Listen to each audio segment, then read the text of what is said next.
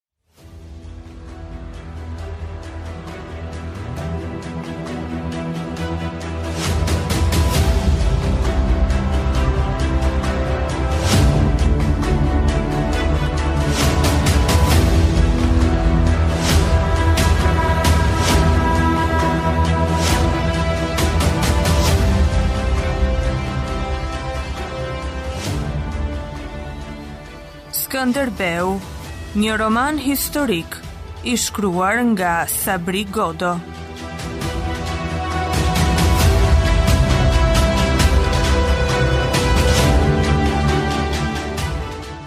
Kapitulli 15, pjesa e dytë.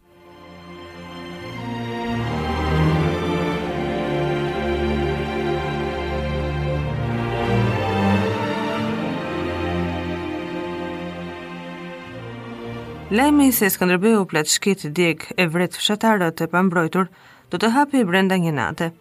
Fshatarët po iknin për t'u strehuar në kështjella. Ky ishte një dëm i pandreqshëm. Le ta nxjerrim në gjyq, kishte thënë Marini. E dinte se gjyqi do të shpëtonte Hamzanë. Ushtria ishte si një mur, ashtu siç qe e vërteta dhe Skënderbeu provoi ta thyente duke ngritur krahun. Komandanti i ushtrisë, Hamza Kastrioti, shkeli urdhrin, i prirë nga dëshira e verbër për plaçkë e lavdi, ai nuk dëgjoi lutjet dhe këshillat e kapitenit të vjetër Marin Spani.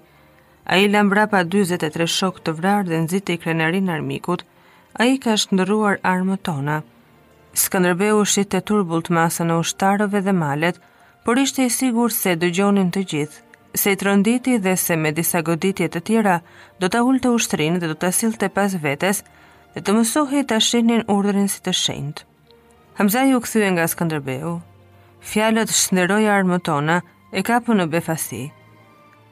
Ai desh thirri, mos ashtu o tatë, siç thërriste në vogëli. Ky ka sulmuar njerëz pa shkak, ka prerë mikun në besë. Hamzai dëgjonte si nga një anë tjetër e dheut. Ai e dinte se ç'donte të thoshte prerja e mikut në besë. Mëkati më i rëndë i arbrit. Për herë të parë në jetën e tij, Skënderbeu nuk kishte pranuar atë ditë ta shihte. Hamzai ishte i shqetësuar, por kurrë nuk do t'i shkonte ndër mend se ai do ta padiste dhe do ta flakte para ushtrisë. Hamzai prapë nuk besonte, Dirsinte dhe shikonte zverkun e Skënderbeut të pjekur nga dielli e me damarë të kërcyer. Këtij duhet t'i digjet shtëpia, t'i nxirren themelet e t'i prishet toka. Zëri i Skënderbeut gjëmonte.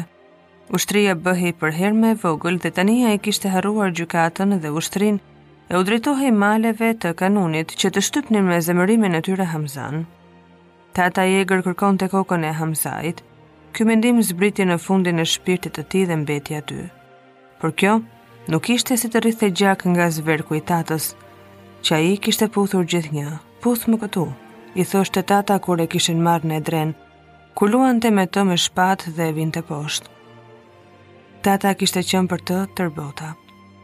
Hamzai u kthye nga turma e cila ishte habitur, fjalët për kanunin, Besën, vëllezërit e armikun, kalonin qorazi dhe nuk e preknin Hamzan.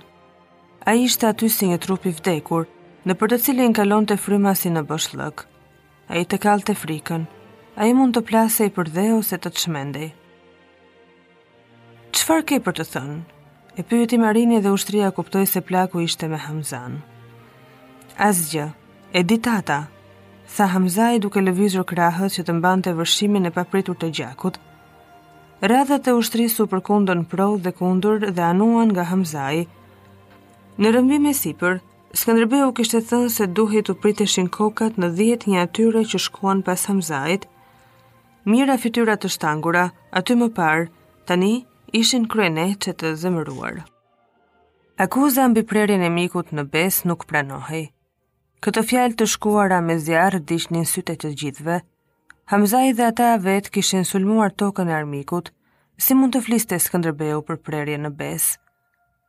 Çfarë kërkon ti tani? pyeti Murati. Kjo pyetje iu drejtua Skënderbeut gati si një lutje. Skënderbeu ndjeu boshllëkun rreth vetes, ndjeu lodhje. Tërbimi që kishte zgjatur një natë dhe një ditë, i kishte dalë me fjalët që tha. U kthye për herë të parë nga Hamzai dhe pati dëshirën ta prekte me dorë që të bindej se ai nuk ishte vrarë. Ngriti ngadalë krahun dhe tha. Ne e kishim fitoren në dorë, dhe ky fatkeq na e prishi punën. Po shërbimet e tij kanë qenë të shumta, jetën nuk e ka kursyer. Le të hiqet nga komanda e ushtrisë. Skënderbeu ndeshi sytë e kaltër të Hamzait, që ishin bërë të përhimtë dhe që ishin sytë e nënës së tij turke. Hamzai u rrënqeth dhe i hoqi sytë. Ai kishte prerë lidhjet me tatën. Ai ishte përsëri po aq i vetëm në botë sa edhe atë ditë kur humbi babën. Skënderbeu u ul në vend dhe priti vendimin. Në ajër endej qortimi i butë i tërë ushtrisë, ndërsa dielli ishte ulur mbi malin e Taraboshit. Kuptohej se ishte bërë një dëm që duhej ndrequr dhe ndoshta Skënderbeu atë donte, të bënte me anë të gjyqit, të hapej fjala tejendanë, se kërkohej falje për dëmin dhe se u ndëshkuan fajtorët. Ushtria filloi të kuptonte, veçse Skënderbeu dukej ende si i pushtuar nga tërbimi. Ai vetë kishte vuajtur çaste të rënda, Shpirti i tij përmbysej kur ndeshej në padrejtësi. Rrëmbehej dhe duhej të shkarkohej mbi të tjerët ose të ikte diku. Pastaj e paguante këtë me orët e pendimit që në fillim vinin ngadalë, si një mpirje e trupit, dhe pastaj me dhimbje të gjymtyrëve. Ashtu si filloi t'i dhimbte tani zemra për Hamzanë, që duke dashur të shërbente e të shquhej, i kishte hapur një telash të madh në veri, pikërisht në kohën kur ishin shanse të dëbonte prej andej Venedikun.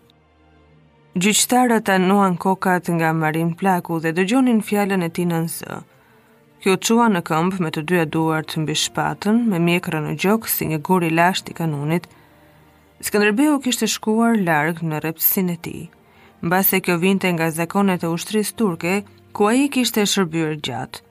Duhej gjetur rruga për t'u ndihmuar Skënderbeu e në të njëjtën kohë të shpëtohej Hamzai dhe ushtarët që i shkuan pas.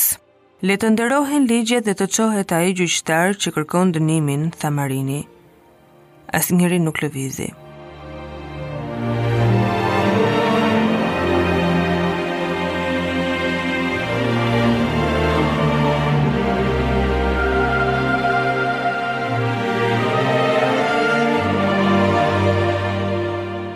O ti Gjergj, kapiten dhe baba ynë, Le të mos e gjykojmë njerinë për ato që bën, po nga ato që niset të bëjë.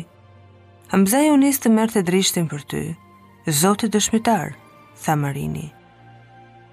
U çua Pal Meneshi, kapedan i krisur i luftës së Torviollit dhe tha.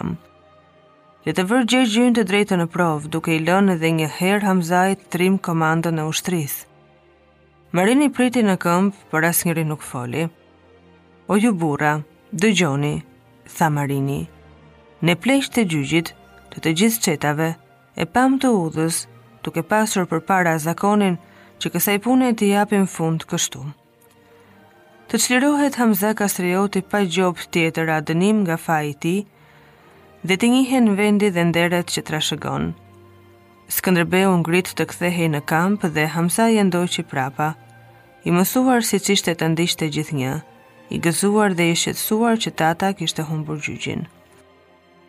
Në mbarim të korrikut, kur qytetet e Venedikut në Arbëri s'mund të duronin më gjatë rrethimin, dhe duke pasur premtimin e qartë se Mustafa Pasha do të sulmonte në lindje, Senati urdhëroi ushtrinë në Shkodër që t'i jepte betejën Skënderbeut dhe të çlironte Danjën. Daullet, fyjet dhe thirrjet e të gjithë qytetit e përcollën ushtrinë deri tek ura e Kirit. Ajo që dilte në fushë me zemër të ngrohtë dhe shkatërronte Skënderbeun gjaksor, që kishte vrarë probatinin e tij, Lekë Zaharinë, dhe i kishte kthyer Zadrimën dhe Malësinë në një tokë të djegur. Ajo ishte një ushtri prej 15.000 vetash e armatosur e pajisur dhe e stërvitur me shpenzime të mëdha. Skënderbeu, që ishte përmbajtur me zor të mos i sulmonte qytetet, kishte pritur të dilnin venecianët në fushë.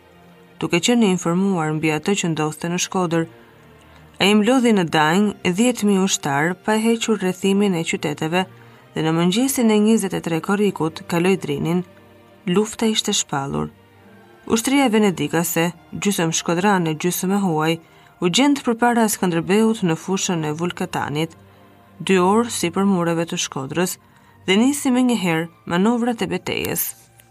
E sigurt për epërsinë dhe zotësinë e komandantëve.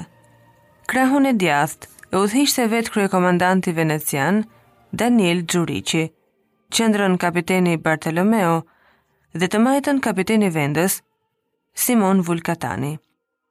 Skënderbeu pa lëvizjet e rënda, plot përkujdesje për madhështi të asaj ushtrie, që i kishte kaluar koha dhe tha se fitorja do të ishte e lehtë. Ai vetë qëndroi përballë kryekomandantit armik në qendër la Tanushin, me detyrë që të mbrohej në vend dhe në të majtë Moisiun. Në këshillin e luftës të mbledhur aty në këmbë, Skënderbeu tha fjalë të pakta që mund të gdhendeshin në mendjen e ushtarit. Të shtrihet përdhe, kushdo që gjendet ballas, të mos goditet asnjëri në shpinë, të zihen robër, të ndihmohen të plagosurit e asnjë plaçkë. Ushtria venedikase qëndroi aq sa të mund të thoshte se qëndroi përballë Skënderbeut më shumë se turku.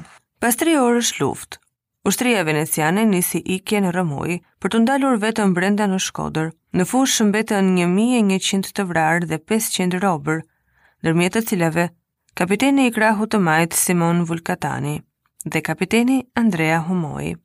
Fitorja e Skënderbeut, i cili kishte humbur 360 të vrarë, ishte e përgjithshme dhe e thellë. Ai arriti me një frymë në muret e Shkodrës dhe mbajti nga krahët Moisiun që donte të hynte në qytet, njëherësh me ushtrinë e shkatërruar të Republikës. Jo vëlla, jo tani. Të jap fjalën se këtu do të kthehemi bashkë pas një viti, tha Skënderbeu.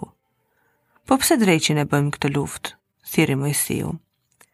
Që të njohin grushtin tonë, Mos harro turku në shpinë, tha Skënderbeu. Ai u tërhoq në Danjë, çliroi 500 robër pa shpërblim dhe dërgoi dy kapitenë robër në kalanë e Petrelës. Gjashtë ditë më pas, senati dërgonte një mesazh të ngutshëm proveditorit në Arbëri. Despoti i Serbisë ishte tërhequr nga lufta. Turku i kishte rënë Skënderbeut, të urdhëroheshin qytetet që t'i jepnin turkut çdo ndihmë. Dukagjinët dhe personat e tjerë të cilëve më parë u ishte dhënë mbrojtje, tani të shkatërroheshin të gjithë. Skënderbeu të shporrej, sidoqoftë, i shkruante senati proveditorit, të kishte mendjen dhe të vepronte me Skënderbeun sipas suksesit ose mossuksesit me Turkun.